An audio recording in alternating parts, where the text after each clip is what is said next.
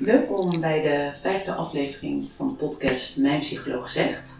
Vandaag vanaf de Grachtengordel in Amsterdam. En mijn naam is Annetje. En mijn naam is Robine. En Mijn Psycholoog Zegt is een auditieve expeditie waarin wij als twee startende jonge psychologen in gesprek gaan met inspirerende personen uit ons vakgebied. Met vragen, thema's en personen waar wij wat meer over willen weten. En wat we hiermee proberen te bereiken is een soort openbaar werkboek maken voor onszelf, medepsychologen of eventueel andere geïnteresseerden. En vandaag gaan we in gesprek over uh, relatie- en gezinstherapie, oftewel systeemtherapie. Uh, en we spreken hierover met uh, Roefke Carmichelt Polak. En Roefke is al 45 jaar gezins- en relatietherapeut en geboren en getogen Amsterdamse. Ze werkt aan huis in het Souterrain, waar wij nu ook zitten, aan de gracht, waar ze samen met haar man woont, met wie ze al ruim 50 jaar getrouwd is. Nou, doe er maar tien bijna bij, maar dat geeft niet hoor. Ja, ruim 60 jaar getrouwd? Nee, dat halen we nog niet. Nog niet 60 jaar getrouwd, maar ik ben al langer dan 60 jaar met. Maar ik hoop dat wij de burgemeester halen, dat die ons uh, komt feliciteren dat we de 60 jaar halen. Oké, okay, dan kan ze een paar ja, dagjes om, precies, omwandelen. Ja, ja. Um, en, maar dat was een grapje. Ja. In, die, in die 60 jaar uh, heb je ook zes kinderen grootgebracht. En naast je werk als relatietherapeut ben je supervisor en uh, schrijf je soms ook stukken voor verschillende tijdschriften. Je hebt ons net al wat aangevuld, maar zijn er nog andere dingen die je daaraan zou willen toevoegen aan die introductie? Nou, dat ik ook, nou wat ik jullie vertelde, dat als je hier uit het raam kijkt, dat er aan de linkerkant mijn opgroeihuis is en aan de andere kant mijn uh, gedeelte van mijn uh, kinderen wonen. En dat ik dus altijd, en als je de Vijzelstraat oversteekt, dan kom je bij het huis uit van mijn lief waar hij is opgegroeid. Dus wij zijn niet zo ver van huis gekomen, om het maar even simpel samen te vatten. En daar vind ik nog steeds heerlijk. Omdat het net een soort dorp is waar ik in woon. En ik zie mijn kinderen langslopen, langs fietsen, of ze komen op de thee, of ze komen uh, gewoon uh, gezellig mee eten. En dat was hetzelfde met onze oude moeders. Want die zijn allebei, met name mijn moeder is heel oud geworden.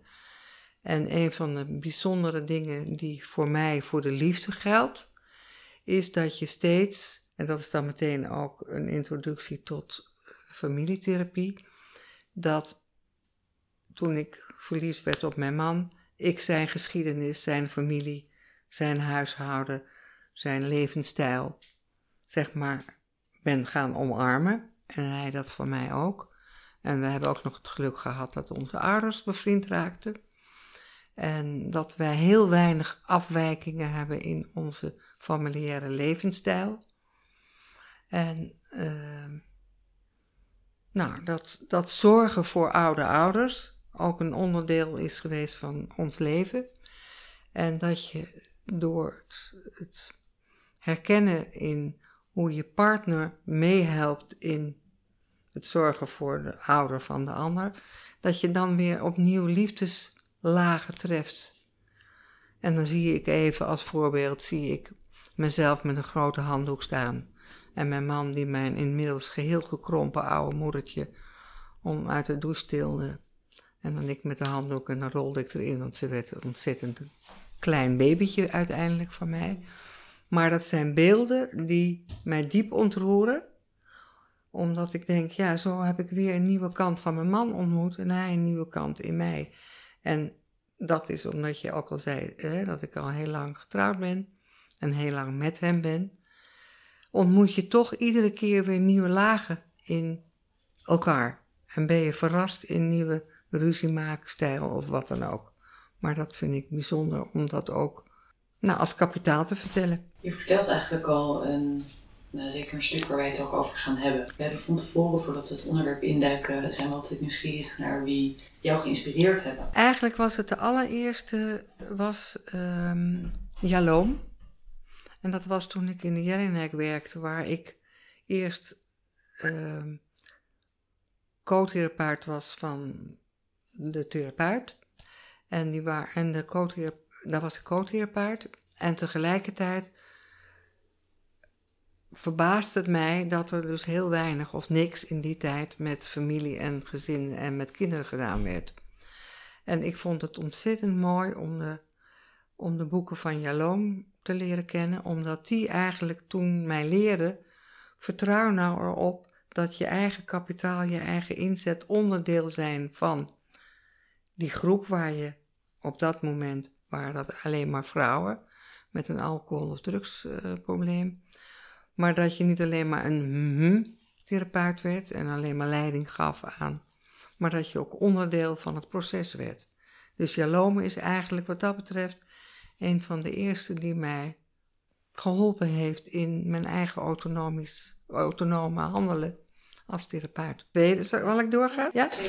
En toen uh, ontmoette ik een voor mij ontzettend belangrijke vrouw. En dat is Else Marie van de Eerbeem, die heel veel geschreven heeft over contextuele therapie. Die ontmoette ik bij toeval, maar toeval bestaat niet, zeg ik altijd maar.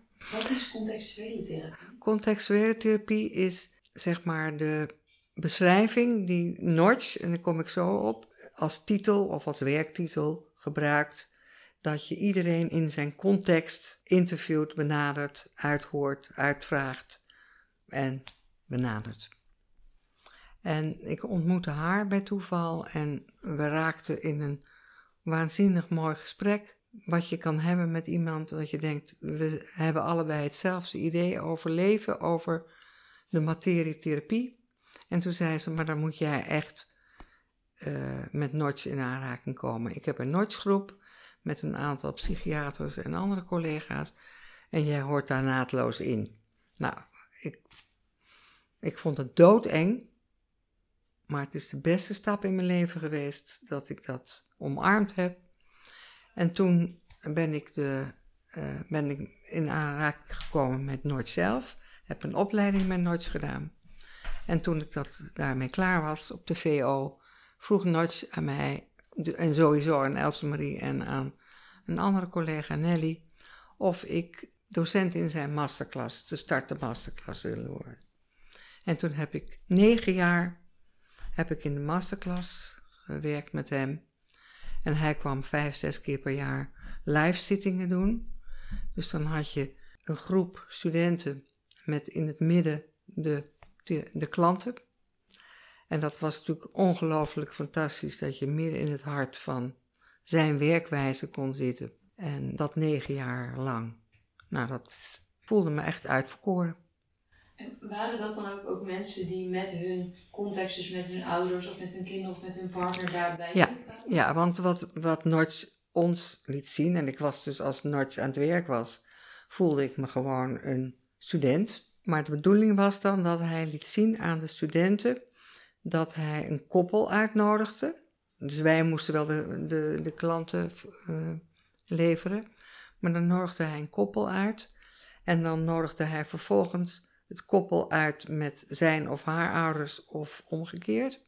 Of met de kinderen of met alle belangrijke personen waar iets mee uit te werken viel. Dus dan zag je altijd in twee of drie lagen werkte je met het gezin van herkomst of gekozen mensen. En dat liet hij dan daarna, werd allemaal opgenomen en dan smiddags liet hij dat allemaal in dwarsdoorsneden zien wat zijn interventies inhielden. Ja, zo'n bijzonder man. Zoiets. En ook een hele lieve man. Hè? Dus ik heb hem natuurlijk heel lang heel persoonlijk meegemaakt.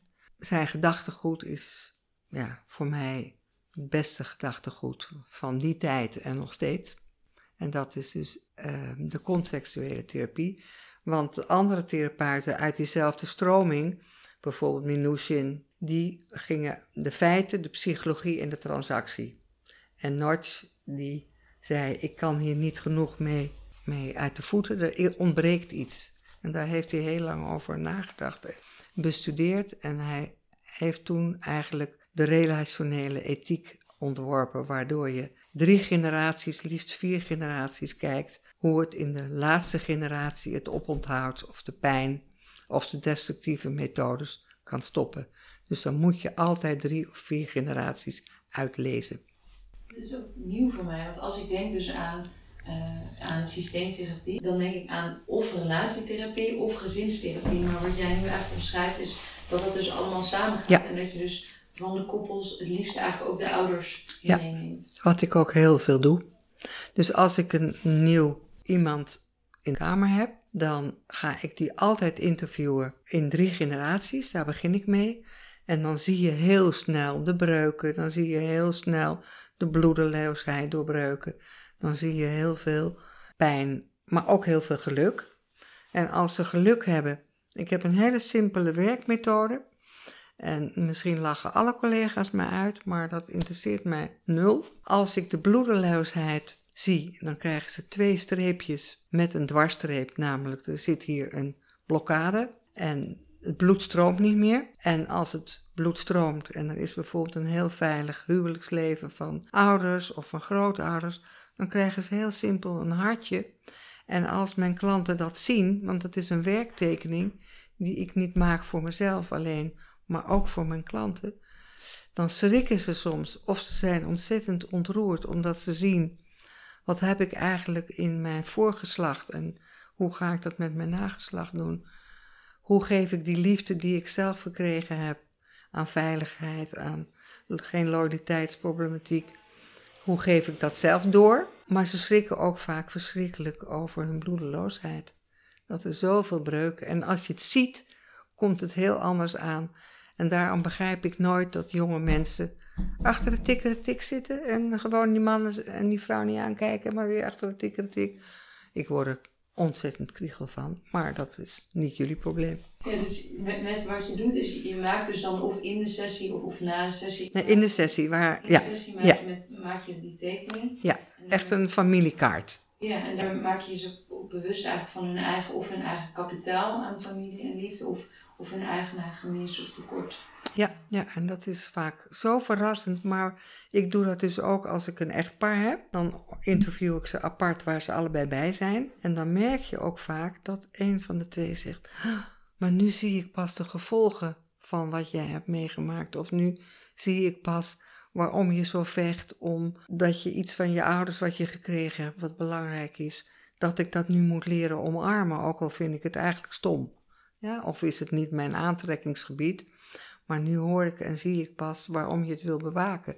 En dat maakt ook hun verbindenis weer veel sterker. Je vertelt over een hele mooie werktechniek die je gebruikt in de sessies. Ook een bepaalde stijl of andere dingen waar cliënten jou aan kunnen herkennen? Nou ja, wat we nou net al grappig zeiden in het voorgesprek, dat ik een bemoeihoofd heb geërfd van mijn vader. Ik ben heel blij dat ik een bemoeihoofd heb. Om, en bemoeihoofd bedoel ik mee niet iemand die de hele dag controleert en ergens bovenop zit, maar dat maakt dat ik ook in de techniek van mijn werk gewoon ook echt interventies pleeg. Waarvan je kan zeggen, ja Jezus. Ik zeg bijvoorbeeld wel eens tegen iemand, of heb wel eens tegen iemand gezegd, die hier diep verdrietig was vanwege een scheiding. En die in een heel vaal grijs truitje zit en een beetje piekig haar van dat kan me toch allemaal niks schelen. En die neem ik dan wel eens mee naar de spiegel. En dan haal ik uit mijn la een rood sjaaltje. En dan zeg ik, kijk nou eens wat het je doet als je jezelf opfleurt en kleur geeft. Want als je in de rouw bent, zie je er vaak heel bloedeloos uit. En tegelijkertijd verlang je weer naar het licht. Nou, zo, en dan moeten ze lachen om mijn bazigheid of om mijn bemoeihoofd. Maar vaak zeggen ze, dat heeft me zo geholpen, dat iemand zegt, doe eens even iets anders met je lijf, met je ogen, met je kleding. En hetzelfde is, ik heb hier allemaal, ik kan niet leven zonder gele post-it plakketjes. Niet omdat er iets aan mijn geheugen is, volgens mij niks. Maar ik schrijf wel eens een gedachte op voor mensen, een kerngedachte. En een tijdje geleden belde iemand mij op en die zei, die had ik heel lang niet gezien. Toen zei ze, ik wil je bedanken voor je gele briefje. Maar ik wist niet wat meer wat er op dat gele briefje stond. En ze zei, maar je hebt op dat gele briefje gezegd eh, op een bepaalde manier, het komt ooit goed. En ik heb dat briefje van jou in de binnenkant van mijn klerenkastdeur gehangen. En elke dag als ik een jurk uitkoos, je kan het ook overdracht noemen, hè, maar ik vertel nu maar even hoe ik dat dan aanpak. Kijk, keek ze naar mijn briefje en klampte zich daaraan vast, komt ooit goed. Ze had namelijk een totale breuk met haar kinderen. En met name één kind wilde echt niks meer. En het is goed gekomen. En ze bedankte mij voor het gele briefje en voor mijn optimistische blik dat het ooit met kinderen en moeders goed komt. Want geen kind wil breuken met zijn ouders. Als je dat zo vertelt, dan heb ik ook Ja. het gevoel dat, dat dat beeldende ook heel erg bij jouw stijl past. Hè? Dus niet Ja. alleen maar converseren of alleen maar typen. Ja. Maar eh, dat je ook dus probeert om iemand inderdaad dus af en toe eens van zijn stoel af te trekken op het moment dat je merkt dat iemand in elkaar gedoken zit of dat je kleuren gebruikt. En omdat ik mijn tekentalent, hè, omdat ik ooit begonnen ben op de Rietveld, gebruik ik dat altijd nog met voorbeelden. En soms maak ik bijvoorbeeld een voorbeeld, dat gaat dan niet over ouders, maar dat gaat over iemand die stagneert in zijn werk. En, maar ik verzin het ter plekke. En dat is zo lastig om over te brengen aan anderen, of aan jullie jonge psychologen of aan andere mensen. Er zit geen route in mijn hoofd. Ik bedenk de route ter plekke. En dat is de magie van mijn werk en ook van jullie werk hoop ik. Ik doe elke dag de deur open en weet niet wie er op mijn stoep staat. En dan kan je wel een vragenlijst. Nou, ik, jullie hebben mij misschien nu een beetje eh, tien minuten leren kennen. Maar met vragenlijsten moet je bij mij niet aankomen. Ja? Maar wat is je weerstand daartegen? Als Ah, allemaal dood materiaal. Zoals soms iemand tegen mij zegt: Ja, ik vind het fantastisch als mijn moeder uitgenodigd zou, als ze ja zou zeggen. Maar ik denk dat ze het niet doet. Vindt ze veel te eng. Dan zeg ik: Nou, het is nog nooit gebeurd. Een ouder niet komt. Ja, maar wat ga je dan vragen? Ja, wat zeg je dan tegen haar? En dan zeg ik: Dat weet ik niet, want ik doe de deur open en daar staat je moeder. En misschien heeft ze een hoed, een ketting, heeft ze iets wat ik kan gebruiken om haar te ontdooien. En ik denk dat ik daar heel erg goed in ben. Maar dat bedenk ik ter plekke. Daar heb je niks aan de vragenlijst. Ja, je mist daarin ook de creativiteit en de ruimte. In het nu- nieuwe werk van vandaag de dag? Nou, ook, ook in, de, in de vragenlijsten. Ja, totaal. Kijk, ik heb, je hebt natuurlijk allemaal boeken, net zoals bijvoorbeeld John Gottman heeft ook zo'n lijst over wat je aan je man kan vragen als je een rothuwelijk hebt, om elkaar eens wat beter te leren kennen. Nou, dat zijn handige vragen, want je kan aan je man vragen, weet jij wie mijn beste vriendin is? Ja, dat is een uitnodiging voor een hartstikke leuk gesprek.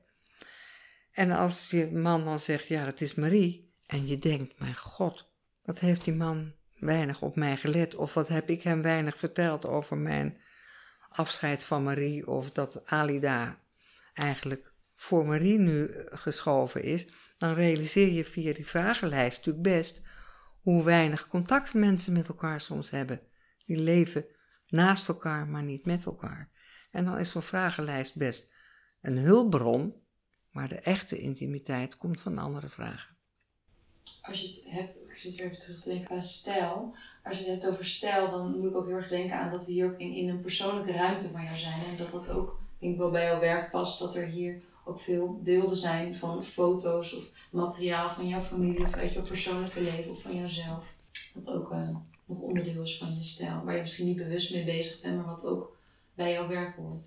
Ja, en er zijn een heleboel mensen die eigenlijk niet op mijn kamer letten. De, eh, sommigen zeggen, jeetje, wat leuk dat jullie zoveel cd's hebben. En dan zeg ik, ja, dat is net als het... Ja, ik word daar heel droevig van, want mijn vrienden, die soms hartstikke nog jong zijn, die vragen als wij daar eten, wat wil je horen? Wil je Maas Davis of wil je Vivaldi? En dan doen ze op een Sonos knopje en dan krijg je Vivaldi. En mijn man en ik hebben er allebei niks mee. Want dat is gewoon, ja, tovermuziek heb ik niks mee. Maar echt kiezen welke muziek je wil je, welke cd wil je, dat is materiaal wat ook in je hand zit. En dat is, handen worden ook heel veel vergeten in de liefde. En zo leer ik hier mensen ook soms die weinig tactiel zijn. En ik ben ook een tactiele therapeut. Ik kan soms langs iemand lopen en een klein aardje of eens een bemoedigend aardje over zijn schouder geven. Zo leer ik ook mensen weer dat je el- elkaar met een hand geven of bemoedigen met een hand, troosten kan met een hand. Nou, zo kan ik van, hè, en mensen zeggen dan, nou fijn, ik geloof dat ik ook mijn cd's maar weer eens van mijn vader tevoorschijn haal. Maar door het materiaal hier voelen ze ook dat het klopt dat ik hart voor mensen heb. Omdat ik hart voor materiaal heb. Ja, je staat ook helemaal als je het, eh, als je het vertelt.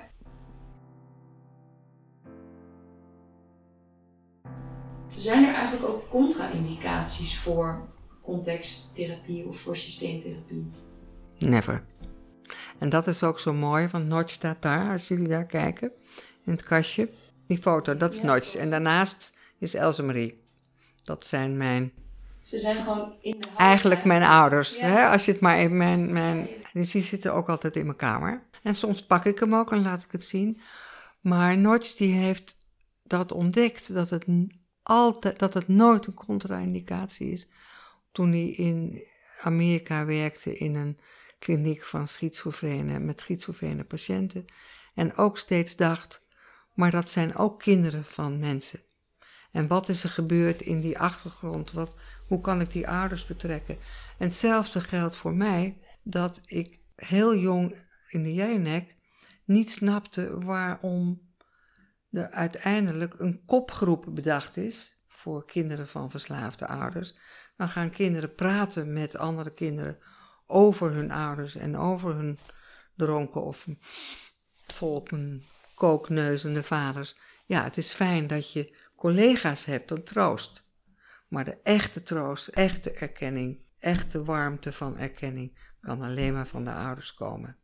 Dus toen ik ontdekte hoe fijn het was dat ik die kinderen kon uitnodigen en dat die moeders ook, en die vaders, maar eerst waren het vooral de moeders, dat die via mijn vragen hoorden hoe kinderen helpen om zieke ouders, hè, verslaafde ouders zijn zieke ouders, maar verslaafde ouders worden als ja, afvoerputje, als slechte ouders, als waardeloze ouders gezien, werden ook vaak uit huis geplaatst. Hè?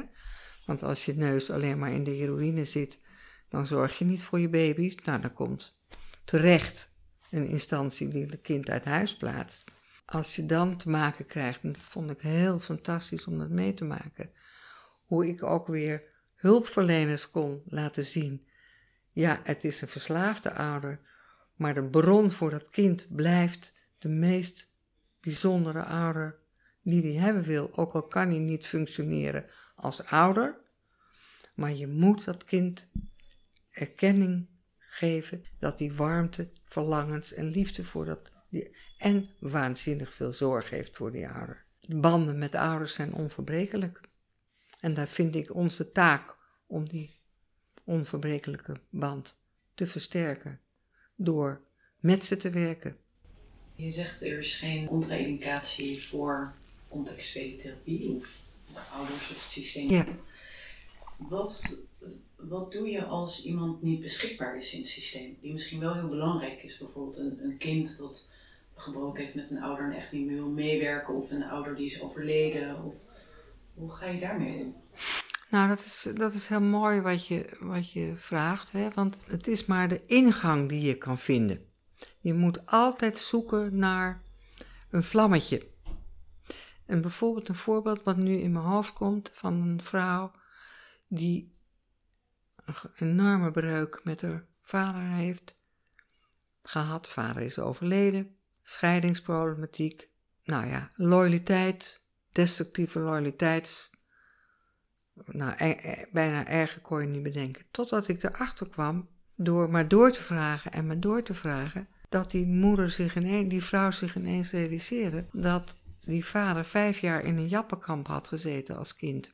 En dan ga je dus doorpellen en dan ga je doorpellen en dan voel je hoe iemand ontdooit, omdat hij er nog nooit heeft geleerd om daarnaar te kijken, dat daar ook een mens en een mens niet alleen maar een vader zat, maar die vader was ooit een kind met alle pijn en alle moeite van het leven, dus ook niet goed kon vaderen. En dan zie je en dan voel je hoe iemand heel langzaam ontdooit. En toen vroeg ik aan haar, en dat is dan het voorbeeld wat ik dan zelf geef, waar staat een foto van je vader? Foto van mijn vader, ik weet niet eens hoe die eruit ziet. Toen gebeurde er iets heel bijzonders, maar ik zaai en ik zaai en ik ploeg en ik zaai.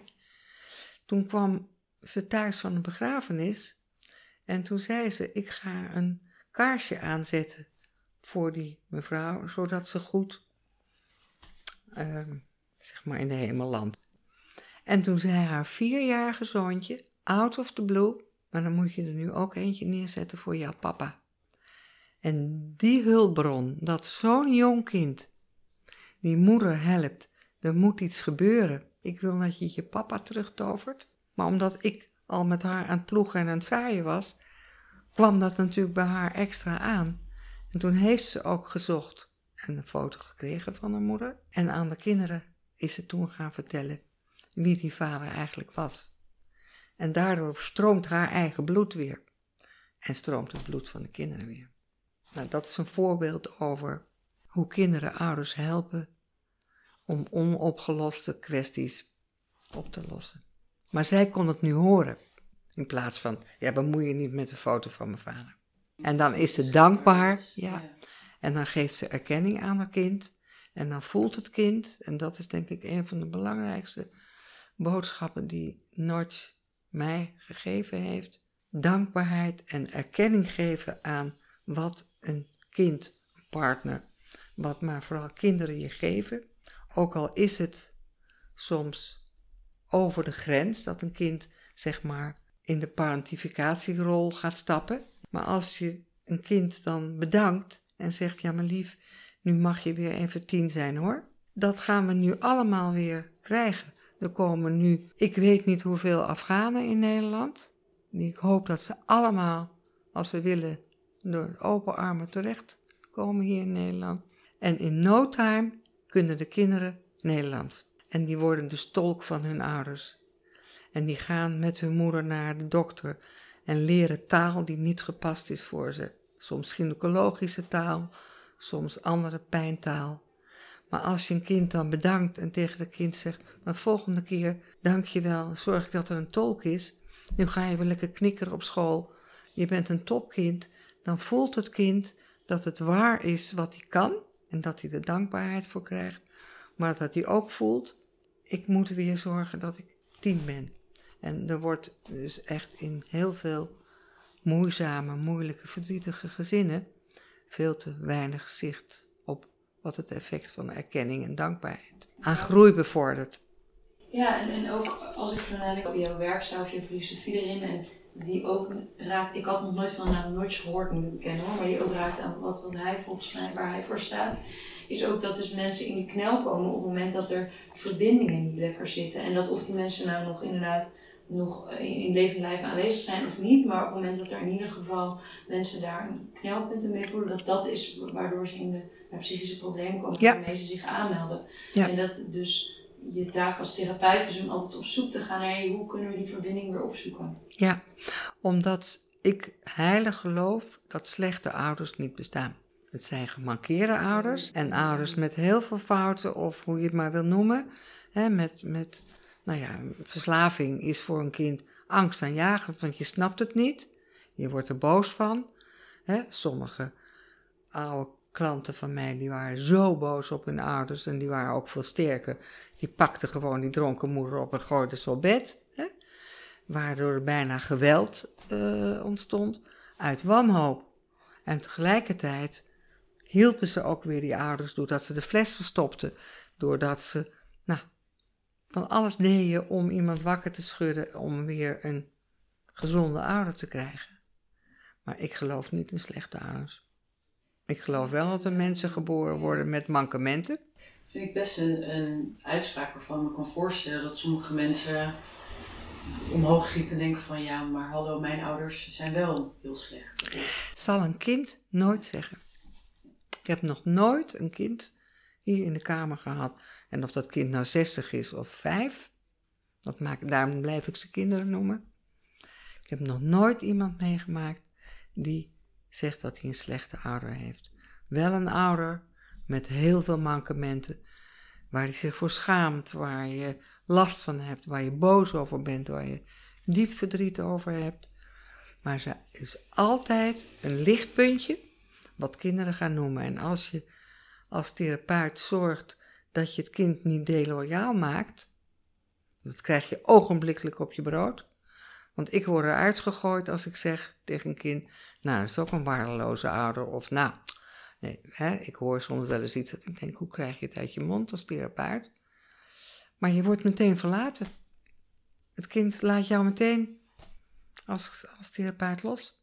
Die pikt het niet. Als we het dan over zo'n breuk hebben, zijn er als, want het liefste wil je een systeem intact houden, of je laat stromen, of je met elkaar verbinden. Maar zijn er ook momenten geweest waarop je erachter komt dat het juist beter is voor iemand als ze afstand nemen? Tuurlijk. Kijk, dat is een hele wijze vraag. Omdat er soms in relaties, patronen, in, in omgangsvormen, in, ja, laat ik maar even in omgangsvormen blijven, een kind geen adem kan krijgen. Zo heb je bijvoorbeeld ontzettende controlerende moeders die bij alles zeggen: dat staat je niet, waar ga je heen? Nee, mannen deugen niet. Wat ga je doen vanavond? Ga je de stad in? Nee, er lopen allemaal enge mannen, je blijft thuis. Er zijn heel veel dit soort situaties waarin je een kind moet leren.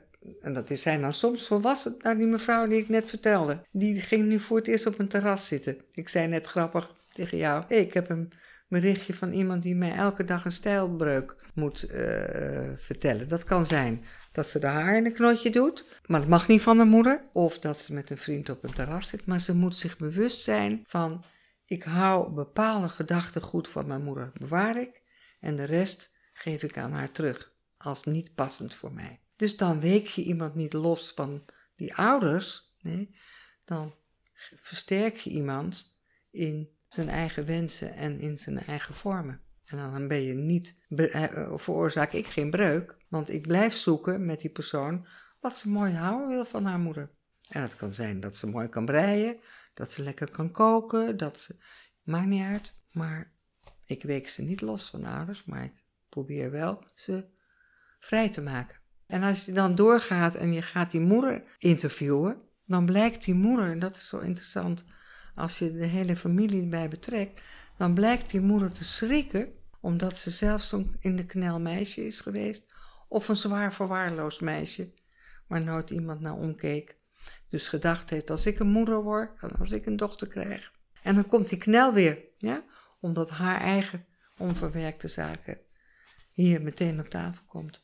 Ik moet ook, ook terwijl je dit vertelt over, over de, de zorg van de moeders, moet ik ook denken aan een stukje dat ik gelezen heb in, uh, in een Parool-interview met jou. Ja. Daar schreef je ook over iets, iets uh, schreef je een stukje over, over hoe jouw moeder jou benaderde. En die was toen de tijd 50. En dat je toen met je rok op de fiets ging.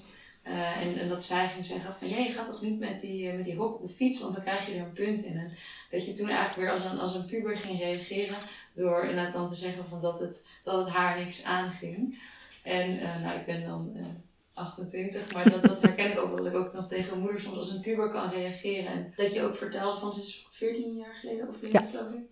Dat je ook vertelde van ja, toen, uh, toen zij doodging, dat je toen dacht, hé, hey, niemand, niemand zal, dit, zal dit ook meer tegen mij zeggen. Of niemand zal met die ogen naar mij kijken. En dat is ook een stukje uit het interview dat ik naar mijn eigen moeder heb doorgestuurd. Om, ja, dat ik me toen besefte van je, je kan je daar soms tegenover afzetten, maar dat het ook iets bijzonders is. Ja, en omdat nooit meer iemand die dingen tegen je zegt. Hè? En, maar het is wel grappig, omdat bijvoorbeeld nu in de zomervakantie gaan alle kinderen en kleinkinderen hun eigen kant.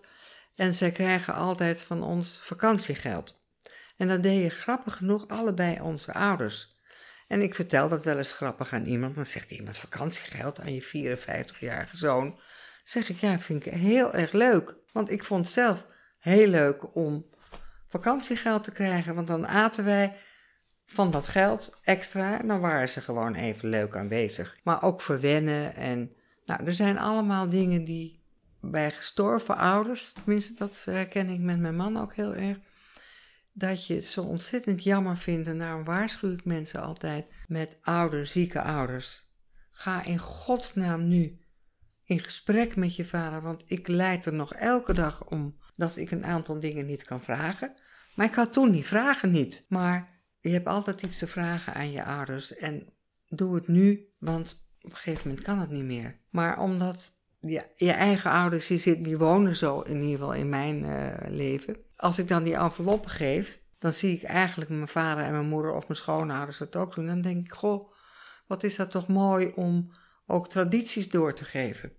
En grappig genoeg doen mijn eigen kinderen dat weer met hun kinderen. Gaat gewoon om een envelopje met vakantiegeld. Nou, dat is een simpel voorbeeld van tradities doorgeven. En wij hebben geen uh, godsdiensttradities, dat ik eigenlijk wel heel erg dankbaar voor ben. Want dat is niet mijn interessantste stuf, uh, godsdienst. Maar wel via tradities. En in godsdienst ligt het natuurlijk veel duidelijker vast. Als je families interviewt en je vraagt naar tradities, dan vertellen ze het heel vaak. En je ziet ook heel vaak dat mensen zich pas realiseren als ze een geliefde in hun armen sluiten, dat daar een heel verhaal van tradities aan vastzit. En dat de helft van de ruzies ook vaak gaat over verzet, over ik hoef jouw familie niet. Nou, en als de tradities omarmd worden van de andere familie, dan groeit het liefdeskapitaal. En hoef je het nog niet één, mag je samen nieuwe vormen denken, maar afzetten tegen je. De, als je mensen in een loyaliteitsproblematiek duwt, krijgen ze op gekozen niveau ruzie. En de kinderen worden partijdig en zeggen: Nou, ik vind de stijl van opa van papa veel leuker dan de stijl van mama. En dat vertaalt zich allemaal door weer in verdriet, ellende, in plaats van uitvinden wat bewaren we van ons kapitaal. En vertel me, wat wil je houden van je kapitaal? Nou, er heeft al wat doorheen gecijpeld in het gesprek, maar ik ben ook nieuwsgierig uh, in hoeverre je jouw eigen ervaringen met jouw man of met jouw kinderen of met je ouders ook in therapiegesprekken gebruikt. Hartstikke. En dat heb ik heel erg ontdekt ook samen met mijn collega Willem van der Bent, die trouwens een heel nuttig boek geschreven heeft. Uh, en ik had hem kunnen waren, want hij is pas 48. Maar ik ben heel close met hem al tien jaar. En we hebben toen eigenlijk dezelfde stijl daarin. Nou, gebeurde mij een paar weken geleden. Ik geef even een voorbeeld. Kwam ik thuis, was ik de hele dag weg geweest en had gegeten bij uh, mijn vrolijke vriendin, die nu ook therapeut is, waar ik echt ook weer zo'n magic match mee heb. En ik kom thuis ik had wel twee bubbels op, maar ik was geheel bij de les.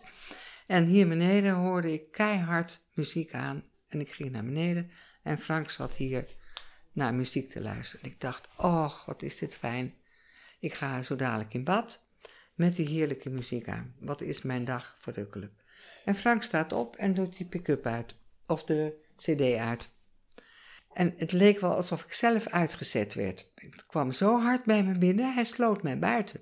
En ik vroeg, waarom doe je dat? Want ik wil graag met jou genieten van die muziek. Toen zei hij, ja, maar dat kan ik niet. Want jij wil tegelijkertijd met mij kletsen. En ik kan niet Beethoven aanlaten, dat vind ik zielig voor Beethoven, dat die achtergrondmuziek wordt. En ik kijk die man aan. Ik word helemaal warm van liefde. Wie zegt nou zoiets moois? Dat vind ik zielig voor Beethoven dat die achtergrondmuziek wordt. En ik kan het niet, want ik kan alleen maar muziek luisteren. En jij bent iemand die en kan kletsen en die achtergrond kan verdragen. Nou, toen zijn we door gaan kletsen. En toen zijn we eruit gekomen dat ik, als ik muziek aan wil, muziek aan moet doen van mij, wat hem niet stoort. Waardoor hij niet denkt dat het zielig. En dan ben ik eigenlijk zo ontroerd dat na zoveel jaren elkaar kennen, het leven vieren, dat je iedere keer weer even in een ruzie, of nou dit was niet ruzie, maar meer in een schok van hij sluit me buiten, hoe we het dan afmaken en hoe blij ik dan word, hij ook. En dat voorbeeld is geen voorbeeld waar ik last van heb, want dat heb ik afgemaakt. Ik geef nooit voorbeelden of ja, voorbeelden waar ik zelf nog middenin zit. Dus altijd oud materiaal of afgemaakt materiaal. Dus mijn klanten hoeven nooit te denken: oh jeetje, nou moet ik haar helpen. Maar ik gebruik dat altijd. Zijn er adviezen die jij zou hebben voor jonge psychologen? Luister naar je eigen intuïtie, luister naar je eigen kapitaal. Vertrouw op je deskundigheid maar deskundigheid is leren. Maar het grootste zit in wie je bent. Hoe je open doet, hoe je praat, hoe je jezelf durft te tonen. Nou ja, wat, wat een klant mij heeft geleerd toen ik op een gegeven moment even van die schoteltjes ogen had met tranen, omdat er iets ontzettend ontroerends in mijn kamer gebeurde met zijn zoon. En toen kwam hij een week later en toen zei ik: Sorry dat ik tranen in mijn ogen had. Want dat was onprofessioneel mijn idee toen. Maar dat is al uh, eh, 30 jaar geleden, minstens. En toen stond die man op. Toen zei hij: Godverdomme, dan heb ik eindelijk niet een hum-therapeut, maar een mens met een hart en een mooie stem en liefde voor de personen in de kamer. En dan ga jij terug naar een hum-therapeut en mij excuus aan zitten bieden. Nou, toen was hij weg. En toen dacht ik, ik moet ook echt zorgen dat ik mezelf uitpak. En niet denk, dat mag niet van opleiders of dat mag niet van God mag weten wie. Als het maar van mezelf mag, dan accepteren klanten dat volstrekt. En ik vind het heel jammer als mensen alleen maar in het leermodel blijven. En daarom heb ik zo'n hekel ook aan al die lijstjes. Nou, een van die dingen die mij is gebeurd is een keer dat mijn man samen met een van mijn kinderen, die dyslexie heeft, zo'n vragenlijst moest doen.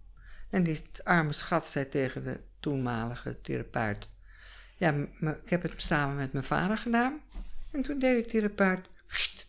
en die scheurde het papier door en moet het maar weer overmaken. Nou ja, als ik dat soort dingen hoor, dan denk ik: Nou, die mevrouw of die meneer heeft alleen maar geleerd, maar die heeft haar hart niet meegenomen. Nou, het zal je maar gebeuren dat je in zo'n harteloos diep terechtkomt. En dat is wat ik zelf heel pijnlijk vind, dat ik soms collega's heb die, waar samen even over die ik niet ken. En dan hoor je aan die stem en je hoort aan de papieren en je hoort aan de attitude. Die meneer heeft geen idee wie die klant ook alweer was. Even nadenken, oh Jezus, wie is Marie ook alweer? Dan voel je die mevrouw of die meneer is helemaal niet geland. Nou, een van mijn talenten, en het is misschien ook een deel van mijn uitputting, want ik ben wel eens hartstikke gaar. Dan ga ik gewoon 24 uur slapen. Is dat ik in die mensen kruip. Maar dat kapitaal kan ik niemand leren, dat moet je zelf ontdekken. Het echte contact maken. Ja. En dat zit in ogen, dat zit in van alles dat je voelt. Ik kom aan bij die therapeut. Deze therapeut is met mij. Ja, precies. Hey, dit was al de vijfde aflevering. Dit keer een gesprek over context, over systeem, over het belang van het weer laten doorstromen van liefde, eigenlijk in een bepaalde zin ook. Ja, mooi gezegd. Het belang van het geven van erkenning en dankbaarheid. En als therapeut mens zijn en echt contact maken. En daarin ook je eigen intuïtie ja, geloven. Misschien ook erkennen. Zeker.